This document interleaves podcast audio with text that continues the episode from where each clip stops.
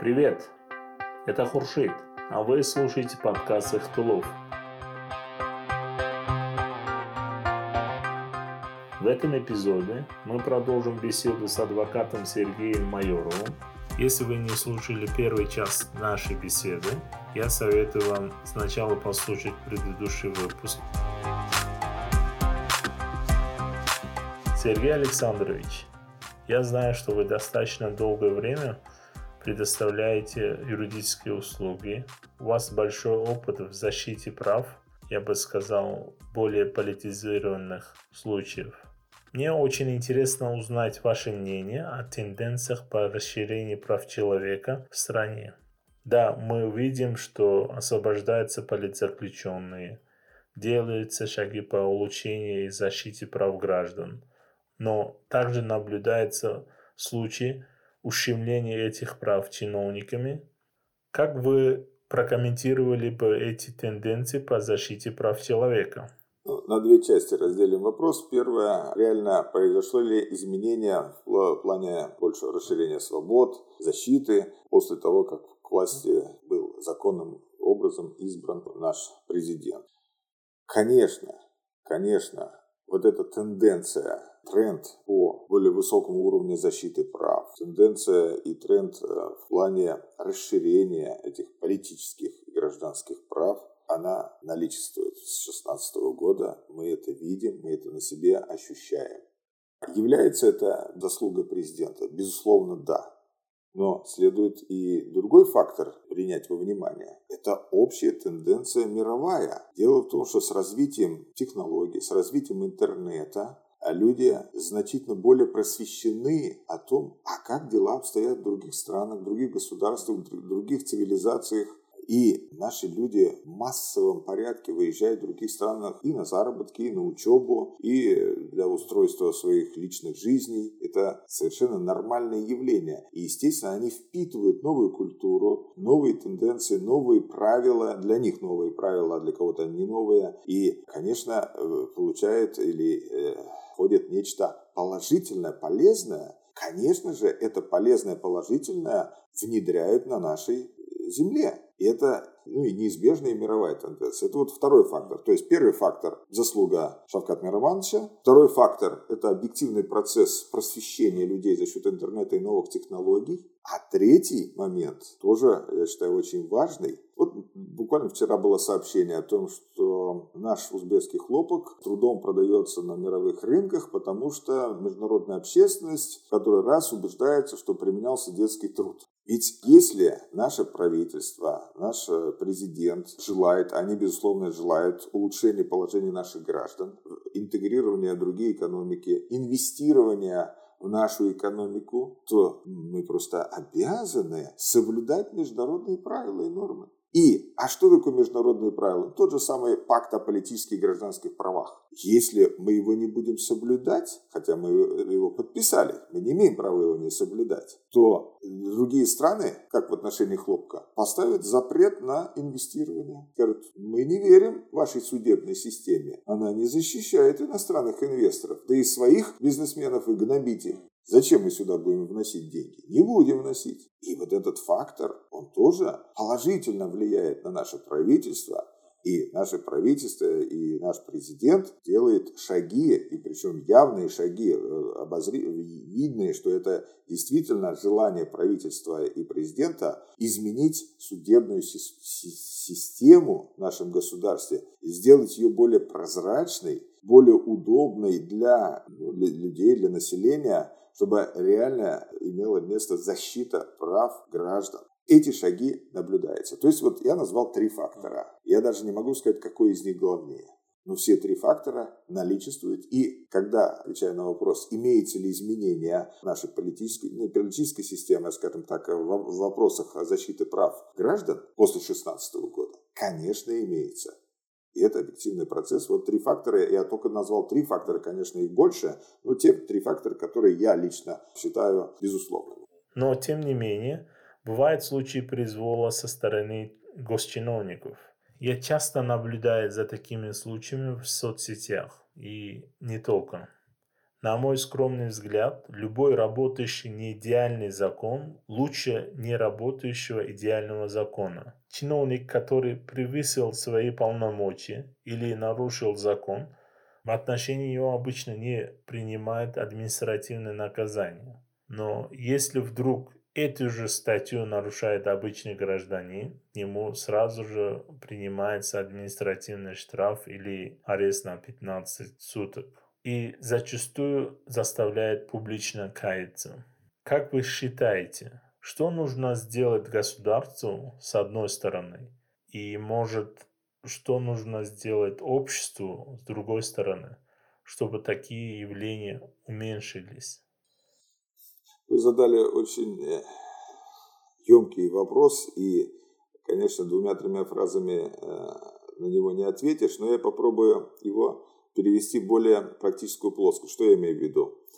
А, я согласен, и э, тоже мне известно много случаев, когда наши чиновники, а, государственные чиновники, проявляют и бездушие, и некомпетентность, а, отстаиваем то ли ведомственные интересы, то ли свои личные интересы, и тем самым нарушая права граждан. Вот я бы хотел перевести этот вопрос в другую плоскость. Я наблюдаю тенденцию резкого снижения профессионального уровня компетентности государственных чиновников. Категорично так. То есть уровень знаний или опыта или компетенции значительно снизился грамотности. Это одно направление. Второе направление. Контроль за этими чиновниками фактически осуществляется только другими, более высокими чиновниками. Народом, населением контроль не осуществляется.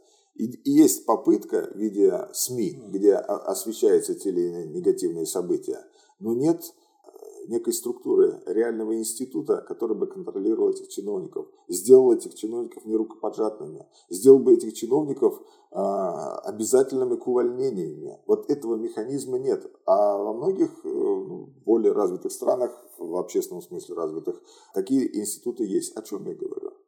Попробуйте пойти в наши органы юстиции, Минюст, или управление юстиции и зарегистрировать общественную организацию, ну, допустим, по уходу собачек у вас зайдет, э, займет это много месяцев. А попробуйте вы зарегистрировать общественную организацию по оказанию помощи бывшим заключенным, которые потерпели от государства незаконно, потерпели от государства лишение свободы, утрату бизнеса, утрату имущества, утрату здоровья. Вот такую, э, с такими целями попробуйте зарегистрировать э, не государственную, не коммерческую организацию. А у вас это не получится. Я я достаточно опытный юрист. Вы упомянули Акзама Тургунова. И с ним четыре раза уже подаем в Минюст заявление о регистрации именно вот такого профиля организации, которая будет защищать интересы а, уже отбывших наказания, осужденных, отбывающих наказания. И под разными предлогами отказывают. И сейчас до сих пор мы не можем, мы уже почти два года пытаемся зарегистрировать. Если бы в нашем государстве, нашем обществе было а, легко и свободно регистрировать такие общественные организации, которые бы профессионально, эффективно, молниеносно реагировали на выпады чиновников. Вот тогда бы эти чиновники вели бы себя, ну, во-первых, а, отвечали бы своей должности, выполняли бы свои... А во-вторых, всякая их некомпетентность безграмотность, бездушие или незаконные действия, они тут же вылезали бы наружу, и он бы уже утрачивал право занимать эту должность. А сейчас этот чиновник, он ставленник более высокого чиновника. И он отвечает не перед народом и не перед своими подчиненными. Он отвечает перед тем вышестоящим чиновником, который его сюда поставил. А наличие вот этого института общественного контроля через общественные организации, конечно бы поставило этих чиновников на места. И туда бы шли уже люди компетентные, которые могут доносить мысли, которые умеют разговаривать с людьми, которые компетентно могут отвечать и не теряются. Ведь далеко не все чиновники способны на простой вопрос доступно и убедительно ответить. Это же тоже умение чиновника, особенно публичного чиновника. Вот отсутствие у нас этого института, он, вернее, есть формально. У нас есть закон о, о негосударственных коммерческих организациях, у нас есть закон об общественных объединениях, но эти законы реально не работают. И создать вот эту систему общественного контроля через сеть общественных организаций в значительной степени бы улучшило бы ситуацию с чиновничеством. Непременно. Развитие гражданского общества было бы на пользу не только государству или обществу. Исходя из нашего сегодняшнего общения, может, у вас есть мнение или предложение, которое вы бы хотели добавить? В последнее время я больше специализируюсь на уголовных делах. Я отмечаю э, некомпетентность органов, представителей органов расследования. Я отмечаю бездушие со стороны прокуроров, которые меньше всего интересуют судьба человека осужденного. И у нас практически отсутствует очень важный правовой механизм. То есть состоялся приговор, человека признали виновным. Приговор вступил в силу, все обжалования не, не привели ни к чему. И у нас реально отсутствует механизм, а как исправить положение? То есть наши суды, я это неоднократно говорил, не являются независимыми. Поэтому в рамках судебной системы отменить несправедливый приговор зачастую не удается. Пока не вмешается та же самая прокуратура, которая, собственно, и создала этот э, уголовное дело и тренд. А потом только с ее подачи можно э, изменить ситуацию. Сами суды на такую ответственность на себя не берут. У меня есть одно дело. Человека осудили к пожизненному лишению свободы за якобы совершенное убийство. В деле имеются доказательства и даже признание, что его даже не было на месте преступления. И следствие его признает, что он не находился на месте преступления и сам не резал. Но так как приговор вступил в силу, нет механизма правового пересмотра этого дела, чтобы кто-то послушал адвоката, который кричит, он не совершал этого преступления. Вот доказательство того а срабатывает именно бюрократический механизм. Если сейчас послушать адвоката Майорова, и действительно Майоров прав, и этот человек не совершал преступления, значит, его, во-первых, надо выпустить. Ну ладно, это было бы замечательно, но значит, это будет преступление не раскрытым. Значит, тот, кто истинный совершил это убийство, он не раскрыт. А тогда те следователи, те прокуроры, те судьи, которые его осудили, ну и довели это дело, фальсифицировали, кстати, дело. Вот. А должны как? нести ответственность. Они должны нести ответственность. А где вы слышали? Вот сейчас уже очень много э, составилось судебных решений по реабилитации, да? да? Вы что-нибудь слышали о тех следователях, о прокурорах, судьях, которые незаконно осудили? Они понесли ответственность за это?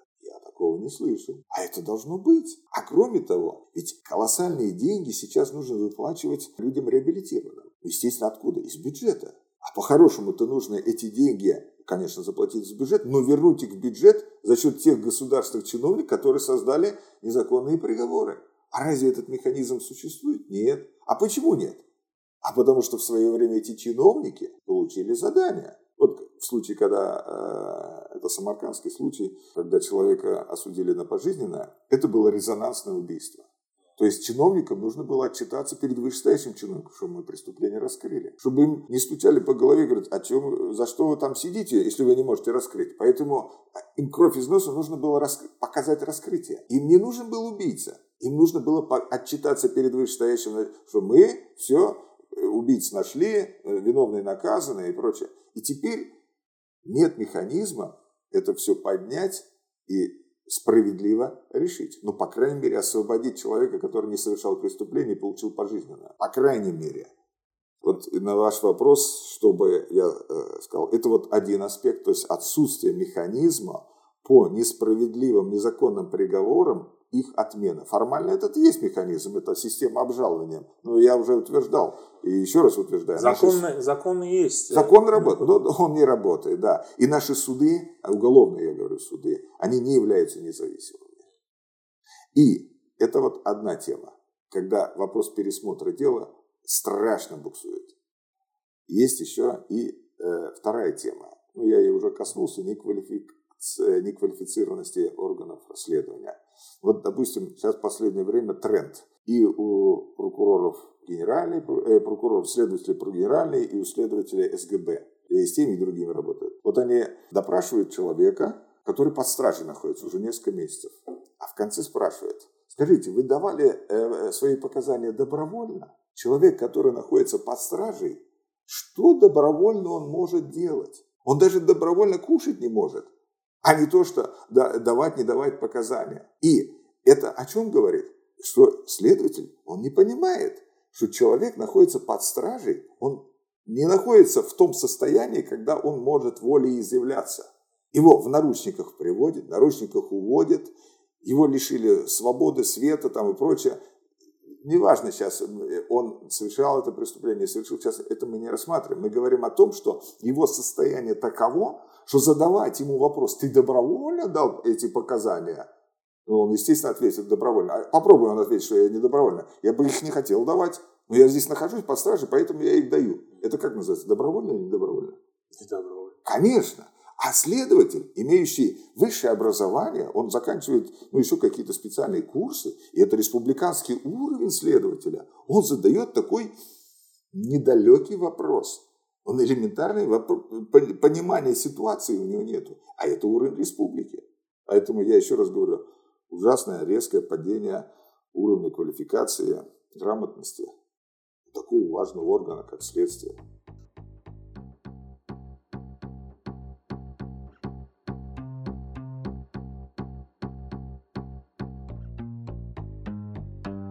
С конца этого года, как мне известно, будут объединены суды, которые сейчас рассматривают административные и уголовные дела по отдельности. Сейчас, может, эти суды и находятся в одном здании, но по структуре они два разных учреждения. Как вы это прокомментируете? Давайте сделаем небольшой экскурс или разъяснение, разъяснение ликбез. Э, дело в том, что на сегодняшний день на административные суды возложены две очень разноплановые функции. И вот это противоречие сейчас устраняется то, о чем вы рассказываете. Допустим, у нас есть кодекс об административных, административной ответственности.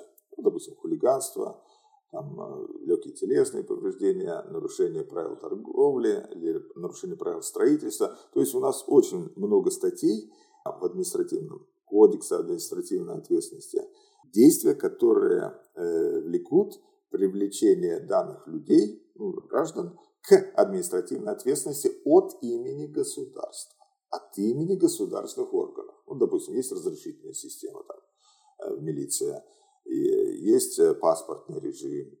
Это вот все те случаи, когда государство, обнаружив нарушение со стороны гражданина, его привлекает к административной ответственности по той или иной статье кодекса об административной ответственности. Есть еще другая, э, другие отношения, которые тоже рассматриваются этими административными судами. Это когда, допустим, гражданин обжалует действия должностного лица государственного и просит признать его действие незаконным или там э, документ незаконным. То есть, когда гражданин инициирует признание э, действия государственного должностного лица. И вот эти совершенно два разных плановых действия, они сегодня рассматриваются одним и тем же судом административным. Это неправильно. Это неправильно и нелогично, но э, основная причина, я думаю, что это требование ну, европейских международных организаций о приведении нашего законодательства в некую логику. То есть вот у европейских стран, и я думаю, это правильно, ведь э, то административное правонарушение, которое э, совершается, ну, допустим, гражданином, если оно имеет определенные тяжкие последствия, это уже автоматически перетекает в, в уголовное. То есть фабула может быть одна и та же, но в одном случае оно рассматривается административным производством, в другом случае, если, допустим, повторно, оно уже становится уголовным, хотя действие одно и то же. То есть европейское законодательство рассматривает, что это должно рассматриваться одним кодексом. Это логично. И вот мы сейчас просто выполняем рекомендации европейцев о приведении своего законодательства и устранении вот то противоречия, о котором я первым сказал, да? То есть совершенно разноплановые вещи в одном суде. Плюс, если это административно, ну, допустим, мелкое хулиганство. Мелкое хулиганство – это административное правонарушение. Но если во время мелкого хулиганства э, сильно повредили здоровье, оно уже перешло тоже в хулиганство, но уже уголовного. То есть действие практически, не практически, это одно и то же действие почему-то разными кодексами рассматривается. Это неправильно. Вот, наверное, их должны в один кодекс свести. Только в одном случае будет маленькая ответственность, потом более жесткая ответственность, но статья и кодекс должен быть один. Но это мое предположение, я не теоретик и не знаток зарубежного законодательства, это я делюсь своим мнением. Почему э, сейчас будут менять функции у, у судов? Сергей Александрович, спасибо вам за такую интересную беседу. Лично я для себя много что уточнил. Разговор получился очень полезным. Полагаю, что нашим слушателям также. Но Честно сказать, возникло еще больше вопросов. Конечно, обсудить все это в течение какого-то часа невозможно. Я думаю, такие встречи надо будет повторить. Я хочу поблагодарить вас от себя и от слушателей подкаста за такой интересный диалог. Рад э, участвовать в подобных мероприятиях. Я уверен в полезности такого рода действий а, со стороны средств массовой информации и донесения до населения в популярной форме ответы на острые вопросы. Спасибо большое.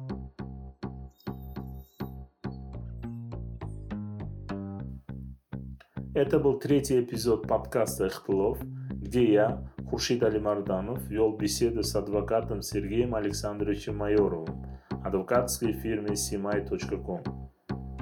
Поделитесь этим подкастом с друзьями, оставьте отзывы, тем самым вы очень сильно поможете мне в продвижении подкаста.